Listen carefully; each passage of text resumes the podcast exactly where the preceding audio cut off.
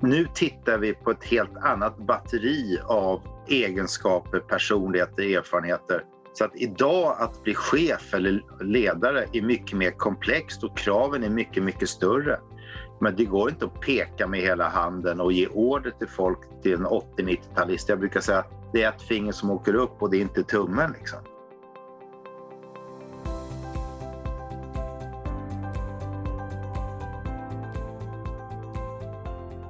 Välkommen till eh, säsongspremiären av eh, Konkurrenskraft. Podden där vi pratar om eh, framtidens beslutsfattande, verksamhetsstyrning och ledarskap.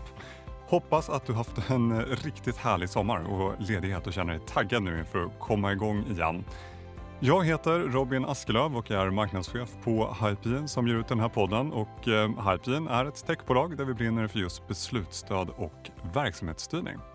Och eh, här i podden fortsätter vi även den här säsongen att testa nya vinklar på hur vi som beslutsfattare kan bli bättre rustade inför framtiden. Och det gör vi genom att träffa intressanta människor med spännande erfarenheter och perspektiv. Den här gången, i det här avsnittet, ska vi prata om rekrytering och eh, då med extra fokus på chefer och eh, ledare. För det här är ju något som berör oss alla, vare sig vi är chefer eller inte. För om du inte själv är chef så har du nästan säkert den. Och då vet du också hur viktigt det är att lirat mellan chefer och eh, medarbetare funkar. Dessutom har cheferna en tendens att vara viktiga i eh, vilken riktning en verksamhet tar och i förlängningen hur bra man manövrerar i konkurrens med andra. Och då vill det till att rekryteringen av cheferna håller riktigt, riktigt hög kvalitet. För den sakens skull ska vi idag prata med eh, grundaren av en av de största och ledande företagen inom chefsrekrytering. Jag pratar om Novare och VDn Fredrik Hillelsson så eh, Fredrik, har dig på skärmen här framför mig. Varmt välkommen! Tack så hemskt mycket! Jättekul att ha, ha dig med. Hur eh, står det till? Det är bara bra tack. Haft en fin sommar, så jag är nöjd och belåten. Ja, det gläder mig. Det gläder mig. Eh, du, eh, vi, ska, vi ska hinna med massa olika ämnen idag. Du ska få berätta mer om Novare. Men, men först bara, jag tycker det är alltid spännande här. Det är alltid lite känsligt med rekryteringar under tiden de eh, pågår. Sen blir det ju mer öppet när, eh, när personen har börjat. Men bara först, jag tycker det är lite intressant det där. Eh, gäller det även vem som legat bakom en rekrytering? Alltså blir det mer öppet att det är ni som har gjort en rekrytering när det väl är klart? Nej, jag skulle säga så den här branschen då som har funnits i kanske 50 år är oerhört hemlighetsfull. Executive search-branschen, mm. headhunting-branschen. Så att generellt sett så är det ju alltid hemligt vem som har gjort det. Och så att även om en VD eller en ordförande blir intervjuad av Dagens Industri och ordföranden berättar ja, det, jag har samarbetat med den här firman mm. så brukar inte tidningarna skriva ut vilket searchbolag det är eh, utan det förblir hemligt och branschen vill inte heller berätta. Vi har börjat sedan några år tillbaka att lägga ut de rekryteringar vi gör av vd och liknande på vår hemsida. Mm. Men vi säger inte att Novara har gjort utan vi säger bara att ja, Ann Karlsson, ny vd på Systembolaget. Mm. Eh, jag välkomnar en mer öppen och transparent eh, framtid i den här frågan. För jag tror att hemlighetsmakeriet inte är bra egentligen. Mm. Ja, men intressant det där tycker jag. Och eh, som sagt, du kommer få prata mer om, om lite hur ni jobbar och, och vad som är viktigt i, i olika rekryteringar. Men, men jag tänkte att först ska vi komma in lite på, på dig och Novare bara för att sätta dig och bolaget lite på kartan. Eh, du har ju en spännande bakgrund tycker jag när jag har läst på. Du eh, har varit marinofficer vid Vaxholms eh, amfibieregemente på 80-talet. Utlandspersonalchef på Scania, personaldirektör Accenture Sweden, personaldirektör på Investor i åtta år och sen eh, 2001 så tog du ett stort steg för då grundades ju Novare som ett helägt dotterbolag till Investor med dig som VD. Och sen fyra år senare köpte du ut en del av Investors innehav och sen 2014 eh, har jag läst mig till så är Novare ett helt partnerägt bolag.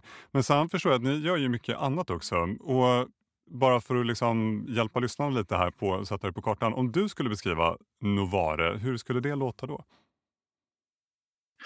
Ja, alltså för det första, Novare var inte min idé utan det var min chef Marcus Wallenberg och Börje Ekholms idé att vi skulle starta ett humankapitalhus. Det vill säga att hur attraherar man, skaffar man, rekryterar man, behåller och ibland tyvärr avvecklar människor. Mm. Så att syftet var egentligen att, att bygga upp ett humankapitalhus som kunde hantera alla de delarna för att stötta Investors, då ungefär 150 småbolag. Och vi fick förtjäna våra sporrar genom att vi fick uppdraget att hjälpa till att bygga upp mobiloperatören 3 2001. Mm. Så då kunde vi bygga upp ett chefsrekryteringsben, ett rekryteringsben, ett utbildningsben. Så att, menar, vi, vi försöker vara ett fullservicehus när det gäller alla typer av humankapitalfrågor. Mm. Intressant. Och om man ska exemplifiera mer, vad, vad, kan det betyda då förutom rekryteringen?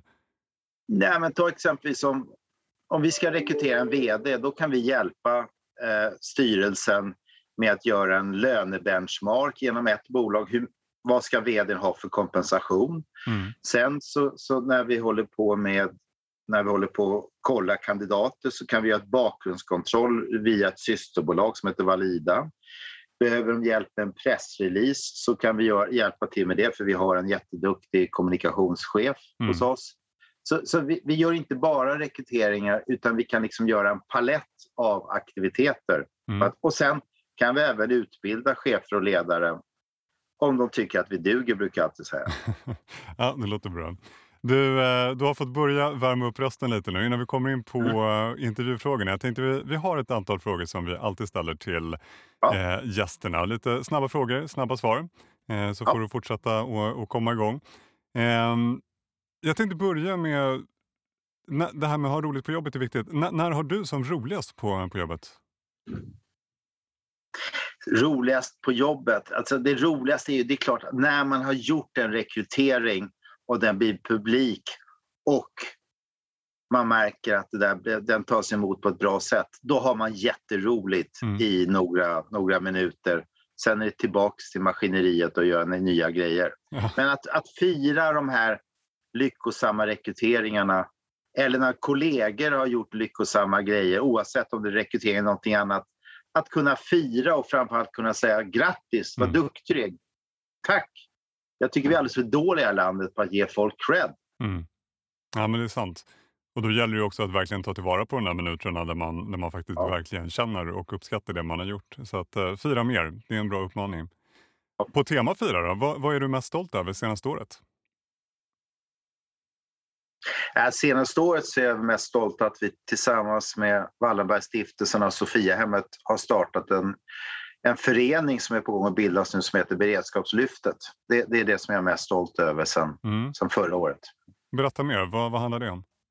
Nej, vad vi gjorde då liksom när, när pandemin tog liksom tag i oss där i mars, det var att vi tillsammans med SAS och Sofiahemmet och Wallenbergstiftelsen så startade vi en, en, en aktivitet för att Ja, vi började med att vi snabbutbildade SAS-kabinanställda för att kunna gå ut i vården och omsorgen i mars-april förra året. Mm.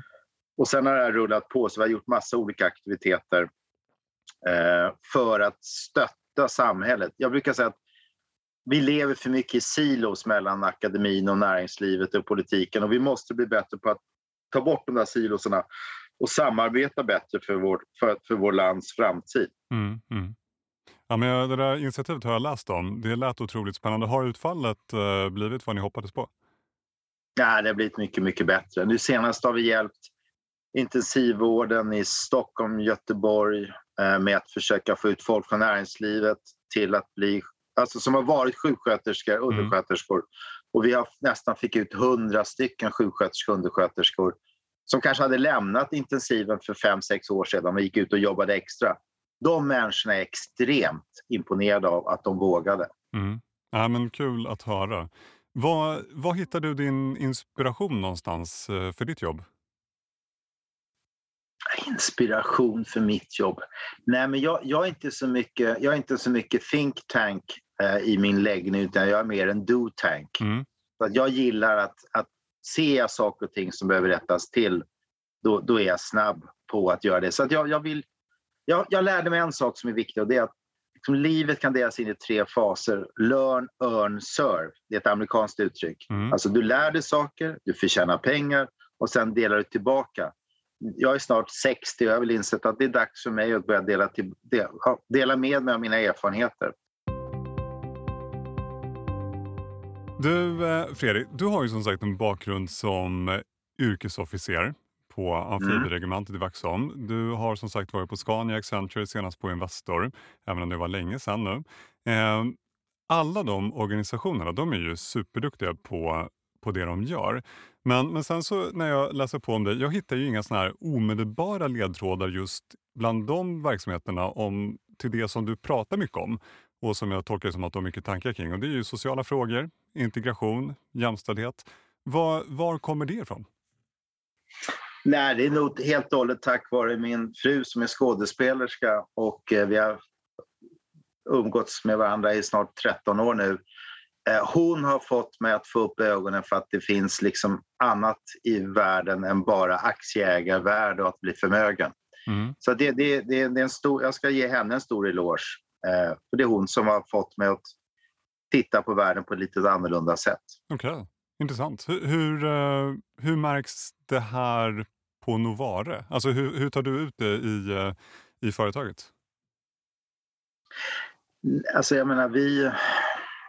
Ja, men alltså för nio år sedan startade vi ett rekryteringsbolag för att hjälpa unga människor med funktionsvariation som heter Novare Peritos. Mm. Det var återigen inte min idé utan det var Ulf Kristersson när han var socialförsäkringsminister som pekade på att det finns tusentals ungdomar i en årskull som nästan aldrig får ett jobb. Mm. Då startade vi det här bolaget ihop med en, duktiga, en duktig kille. Eh, för en, när det var flyktingströmmen 2015-2016 startade vi ett rekryteringsbolag för nyanlända. Mm. Så återigen, ser vi att någonting är fel, då försöker vi agera. Och då, gör, då snackar vi inte så mycket, utan då försöker vi göra det här. Och, och går det åt helvete, ja då går det åt helvete. Men då, då har vi åtminstone försökt. Mm. Eh, på temat eh, doer. Absolut. Du, du träffar ju galet mycket folk misstänker jag i, i din vardag. Jag hörde i en intervju att du träffar 700 personer per år i olika uppdrag. Eh, ja, det stämmer. Hur, hur många rekryteringar leder det till? Jag, jag är extremt ineffektiv. För av de där 700-800 som jag träffar så, kan, så jag själv är inblandad i ungefär 30-tal rekryteringar per år i vårt land. Ja, okej. Okay. Ja, eh, ineffektiv eller picky? Eh, det beror på hur Nej, absolut inte picky. Utan det är inte jag som väljer, utan mitt jobb är att facilitera en bra process. Så att, så att, eh, fördelen med att träffa så många människor, det, det, har jag haft nytta av nu när jag har hållit på med beredskapslyftet. Mm. För att mina informella kontakter i det här landet eh, blir bara större och större för varje år som går. Mm. Eh, och, och, det har hjälpt mig jättemycket det här året mm. med beredskapslyftet. Mm. Men alla de här människorna du träffar, det innebär ju, även om det inte är som du själv säger i alla fall, så många rekryteringar. Du träffar ju extremt mycket folk mm. eh, och du har gjort det under väldigt lång tid. Räknar man med tiden där du var i så att säga, i operativ tjänst i, på Scania, Accenture, Investor och så vidare, då pratar vi ju närmare 30 år. Eh, vad är skillnaden skulle du säga mellan de vassaste chefskandidaterna idag jämfört med då? Eller jämfört med förr i alla fall? Nej, men jag tror att förr så tittade vi jättemycket på, okej, okay, är du en duktig civilingenjör, då ska du bli en duktig teknisk chef. Mm. Eh, nu tittar vi på ett helt annat batteri av egenskaper, personligheter, erfarenheter. Så att idag att bli chef eller ledare är mycket mer komplext och kraven är mycket, mycket större. Men det går inte att peka med hela handen och ge order till folk mm. till en 80-90-talist. Jag brukar säga det är ett finger som åker upp och det är inte tummen. Liksom. Mm. Så, så det är svårare idag. Det är mer komplext och det, det är svårare att rekrytera. Och en chef som inte beter sig eh, får ju direkt kritik. Så att, eh, med, med rätta då. Mm. När du säger så, att det är svårare att rekrytera, eh, vad tänker du då? Är det för att eh, kraven för uppdragsgivare är, är hårdare eller för att det är svårare att vara chef och därmed svårare också att hitta rätt person till just den tjänsten? Nej, men alltså, jag skulle säga att ledarskap har ju alltid varit svårt men idag så pratar vi mera om saker och ting. Vi pratar om dåligt ledarskap. Är det någon som inte beter sig så läggs det ut på, på sociala medier och liknande. Så att allting, allting är ju mera transparent och öppet mm, mm. mot förr. Just det. Jag, jag fångade, det var, jag tror också det var någon intervju jag hörde med dig. Du, du hade tio väldigt tydligt uttryckta punkter i vad du, eh, vad du tittar på när du rekryterar. Eh, mm. och, eh, om jag fångade dem rätt så var det energi, driv, självständighet, omdöme, uthållighet, track record, ledarskap, eh, affärsmässighet, politisk fingertoppskänsla och kommunikation. Eh, mm. Fångade jag dem rätt där? Jag tror självständighet är fel. Jag brukar säga självinsikt. Det är ett svårare ord, ett viktigare ord än självständighet. Ja, jag fattar. Men om man, om man tar den här frågan igen då, jämför eh, bra chefskandidater idag jämfört med, med förr och så tar man de här tio områdena som du tittar på. Finns det något som du tycker har liksom seglat upp i viktighet och något som har fallit tillbaka med tiden? jag tror förr tittade du jättemycket på track record. Är du en duktig finansperson så ska du bli chef för finansbranschen. Är du en duktig affärsman så är du en duktig affärsman. Och är mm. du en duktig liksom... men, men nu det här med omdöme, självinsikt, uthållighet. Det är ju mycket personliga saker. Och, och, och, det är klart att omdöme, jag menar, har du inte omdöme så har du inte omdöme. Mm. Och, och, så att de här, de här personliga egenskaperna blir viktiga och viktiga och de är svåra att komma åt i intervjuer och liknande. Eh, så att så jag skulle säga man måste titta ännu mer på de här. Sen har jag väl lagt till en elfte och tolfte punkt också. Det är lyhördhet och sen Ja, sen, tycker jag, sen brukar jag faktiskt ta med humor. Det är ganska mm. kul om det är någon som är lite rolig också. Eller hur? ja. Nej, det håller jag helt med om. Du, eh, lite statistik. Eh, enligt ja. eh, SCB, Statistiska centralbyrån, finns eh, knappt 350 000 chefer i Sverige. Varav 60 procent finns inom privat sektor, 40 procent inom offentlig sektor. Cirka en miljon svenskar byter jobb varje år. De tyngsta cheferna står för ungefär 1,5 procent av dem. Så omkring 15 000 jobb då, i det segmentet som byts. Eh, mm. så. Eh, och nu har vi ju en, en rätt speciell period bakom oss här, med, får man, eller bakom oss, vi, vi, får väl hoppas att det är så snart, men med, med coronapandemin. Hur har ni, de här siffrorna och, och antalet tjänster som byts, eh, hur har det påverkats under pandemin och hur, hur har ni på Novare märkt av det? Nej, alltså vi, vi gör ungefär 500 rekryteringar per år av, av högre chefer och mellanchefer. Mm. Eh, och, eh, alltså, säg, alltså, när pandemin slog till där i mars, då, då var jag livrädd. Då kände jag att nej, men vi, vi, jag brukar, vi har tre månaders framförhållning liksom när det gäller nya ordrar och mm. kundstock mm. och sånt där.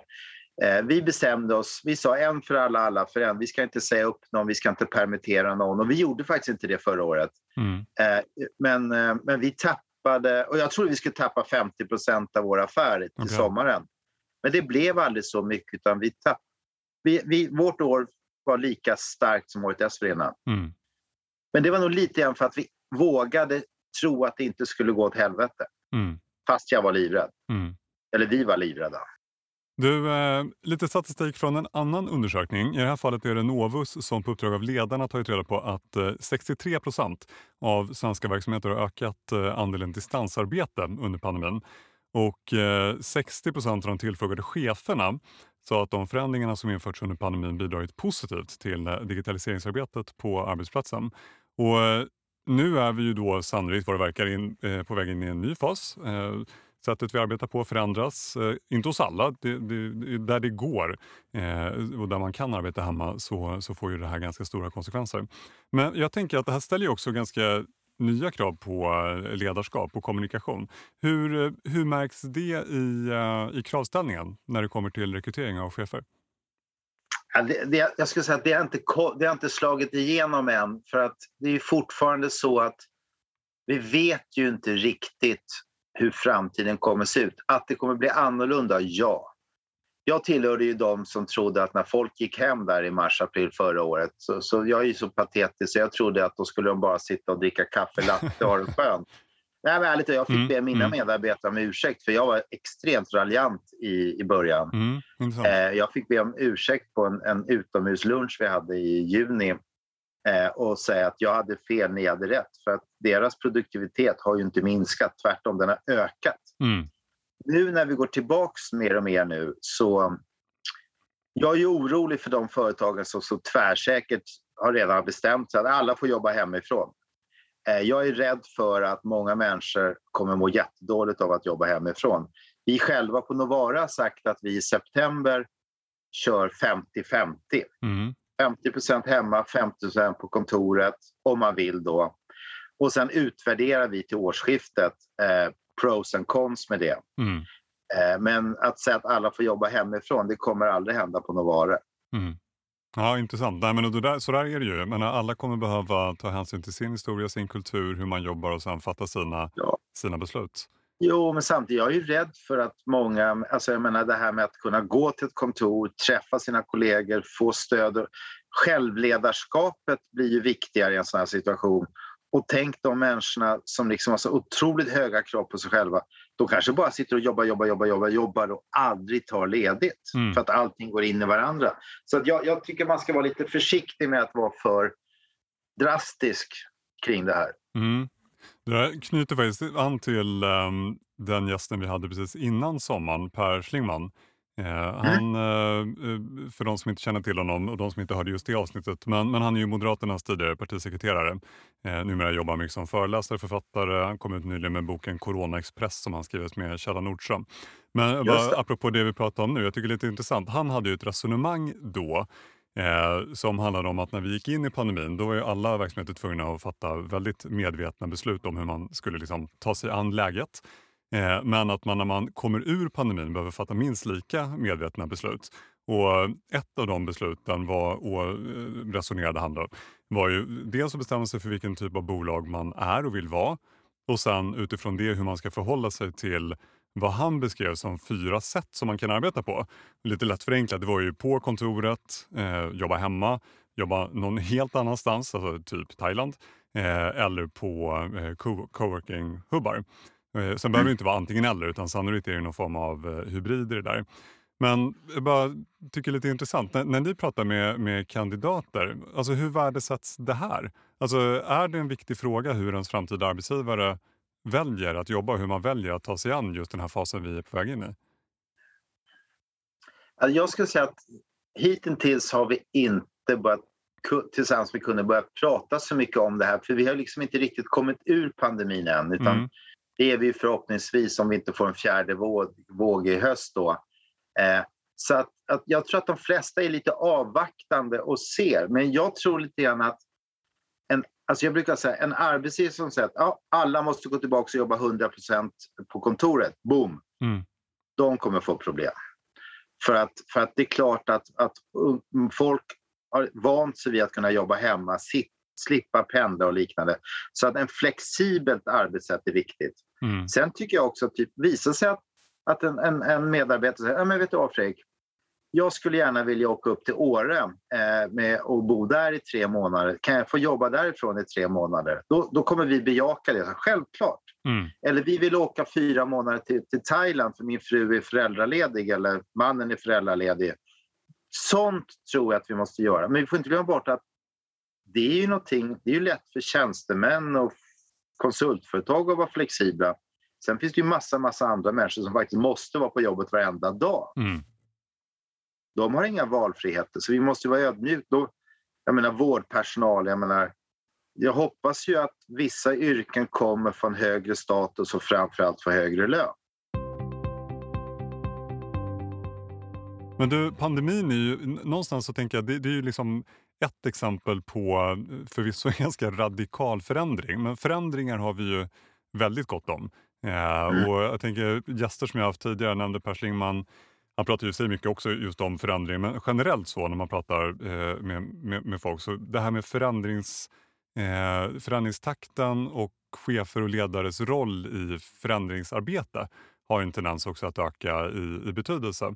Om man tar just det perspektivet i, i relation till era kandidater, hur viktigt är, är det liksom att vara en förändringsledare? Vad, vad tänker du kring det? Jag kommer ihåg för början på 2000-talet när vi var dotterbolag till Investor, då, då satt Marcus Wallenberg i vår styrelse och då hade jag en idé om att vi skulle starta ett bolag som heter Novari Change.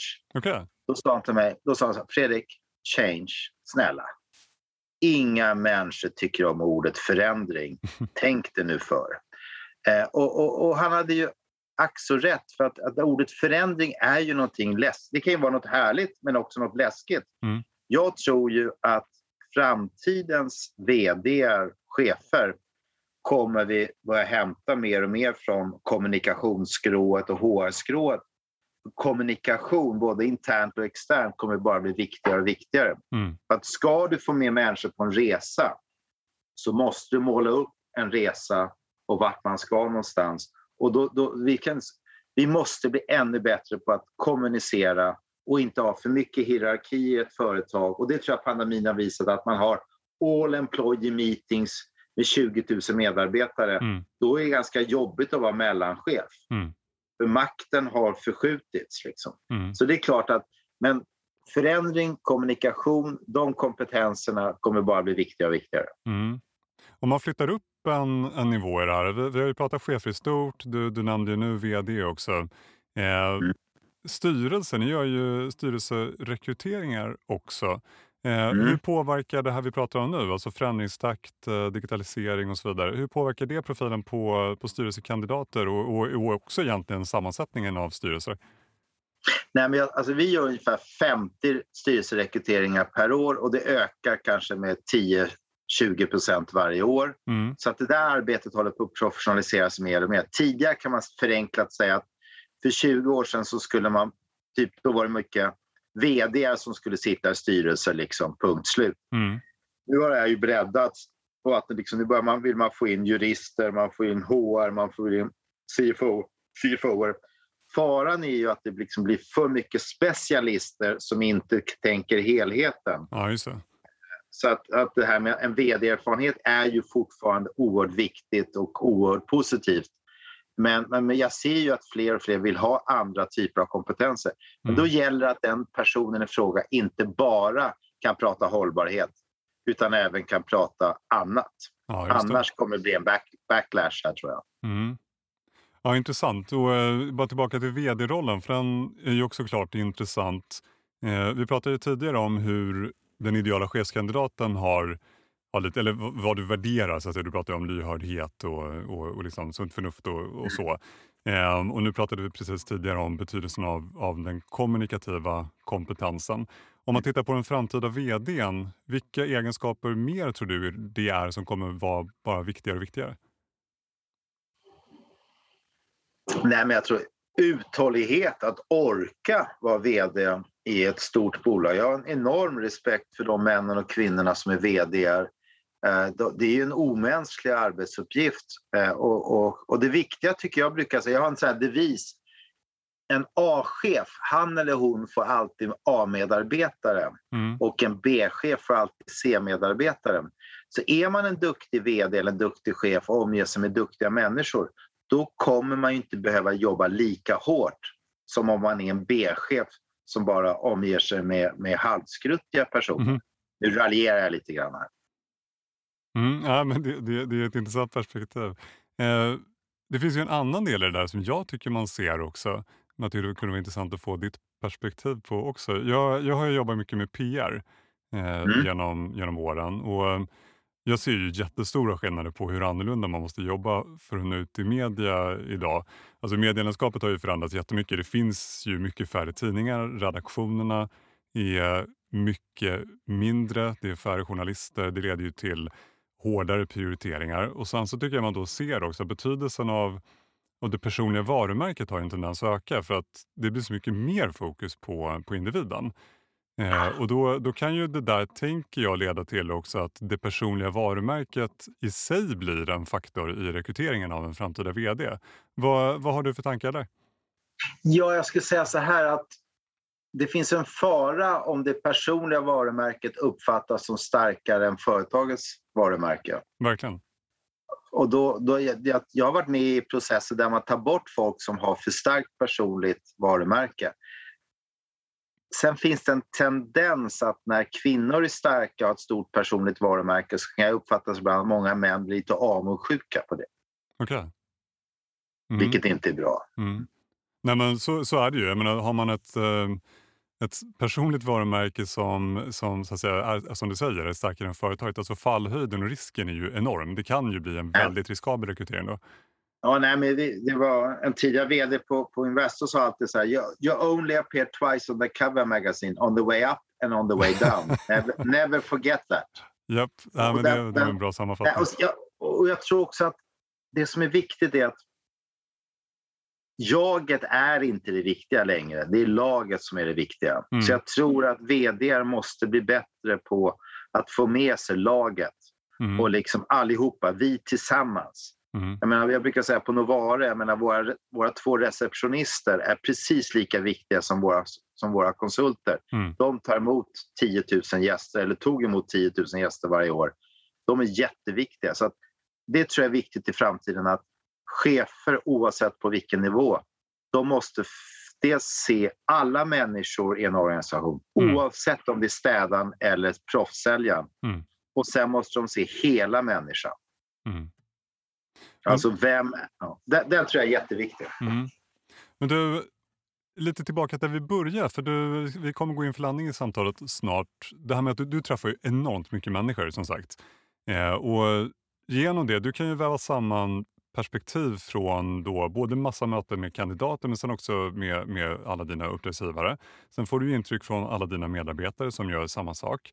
Finns det insikter och lärdomar som du får från alla de här mötena som du upplever att du måste utbilda dina uppdragsgivare inom? Alltså frågor där de inte riktigt hänger med, där de kanske inte, alltså där de riskerar att ligga lite efter sin samtid och där du måste någonstans beskriva för dem vad de har att förhålla sig till när de ska rekrytera? Alltså, det, alltså, alltså vi konsulter ska ju alltid vara lite försiktiga med att liksom berätta hur andra ska göra och vara. Mm. Eh, för det, det, kan ju nästan bli lite stöddigt och arrogant. Men jag menar, så att en sak som jag tänker mycket på det är det här kring jämställdhet. Eh, och där har jag lärt mig att kvinnor får alltid spretigare omdömen än männen. Hon är fantastisk. Hon är en isdrottning. Eh, där jag, märker jag ett samtal med en valberedning eller en styrelse att man, ja nej men jag har hört att hon är kass. Jaha, då, det köper inte jag. För mm. Då ställer jag en fråga så här. Berätta, har du själv träffat henne? Nej, nej, nej, jag har hört att hon är kass. Mm. Så, det är irrelevant. Så, så, när det gäller det här med att vara för svart och vit och människor, där kan vi behöva utmana våra kunder. För att många män är duktiga på att förminska kvinnor och säga att hon är en bitch. Mm. Eh, fast hon inte är det. Där försöker vi att inte utbilda, men åtminstone ha en dialog med våra kunder om just den frågan. Mm. Mm, ja, den, tycker jag, den tycker jag är viktig om vi ska få ett än mer jämställt samhälle, att vi inte går på de här förenklingarna av männen och kvinnor. Du Fredrik, eh, något jag frågar alla gäster om eh, på slutet det är några sammanfattande och eh, kondenserade frågor om, eh, om framtiden. Utgår lite från rubriken på den här podden, Framtidens beslutsfattande, verksamhetsstyrning och ledarskap. Så bara sammanfattningsvis, om du skulle ta från ditt perspektiv och, och säga några ord om framtidens, eller snarare framgångsfaktorerna för framtidens beslutsfattande. Vad, vad skulle du säga då? Vi måste vara lyhörda, ödmjuka inför framtiden.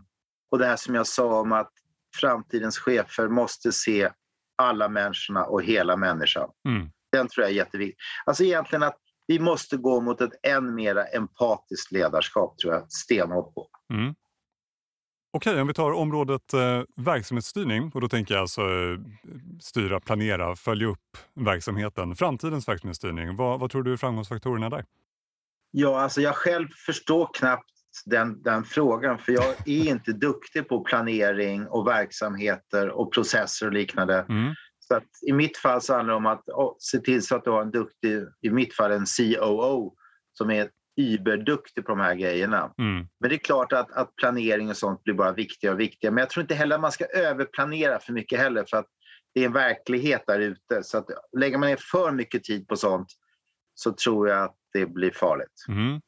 Du nämnde det empatiska ledarskapet precis här nu, men om man ska ta just framtidens ledarskap och så några fler nycklar till vad som är som framgångsrikt ledarskap i framtiden, vad säger du då?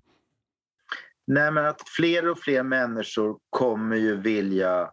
Det här ordet självledarskap blir ju viktigare och viktigare. Mm. Och då måste chefer förhålla sig till vad innebär det ordet och hur ska jag motivera en person som jag kanske inte ser så ofta. Så det, det, ställer nya krav på, på chefer i framtiden. Mm. Fredrik Hillesson, eh, det här har varit jätteintressant och, och jättekul att få, få prata med dig. Det är otroligt ja. intressant område, kul att få dina perspektiv. Så stort tack för att du var med. Tack för att jag fick vara med. Ja, och eh, alla ni som lyssnar, innan ni springer vidare. Jag brukar alltid försöka tipsa om eh, bra läsning också som har med avsnittet att göra. Den här gången så tänkte jag tipsa om boken The Culture Quotient, 10 Dimensions of a High Performing Culture av Greg Bessner. Han är grundare till Culture IQ.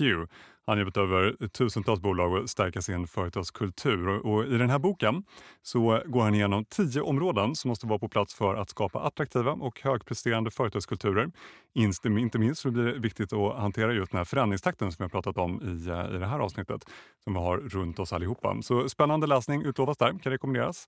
Eh, jag lägger ut titeln i eh, beskrivningen på det här avsnittet. Och sen så tycker jag som vanligt också som jag brukar säga, gå in på hypegen.se. Där hittar du allt ifrån white papers och rapporter till webinars och föreläsningar. Allt kretsar kring just beslutsstöd och verksamhetsstyrning som vi jobbar med.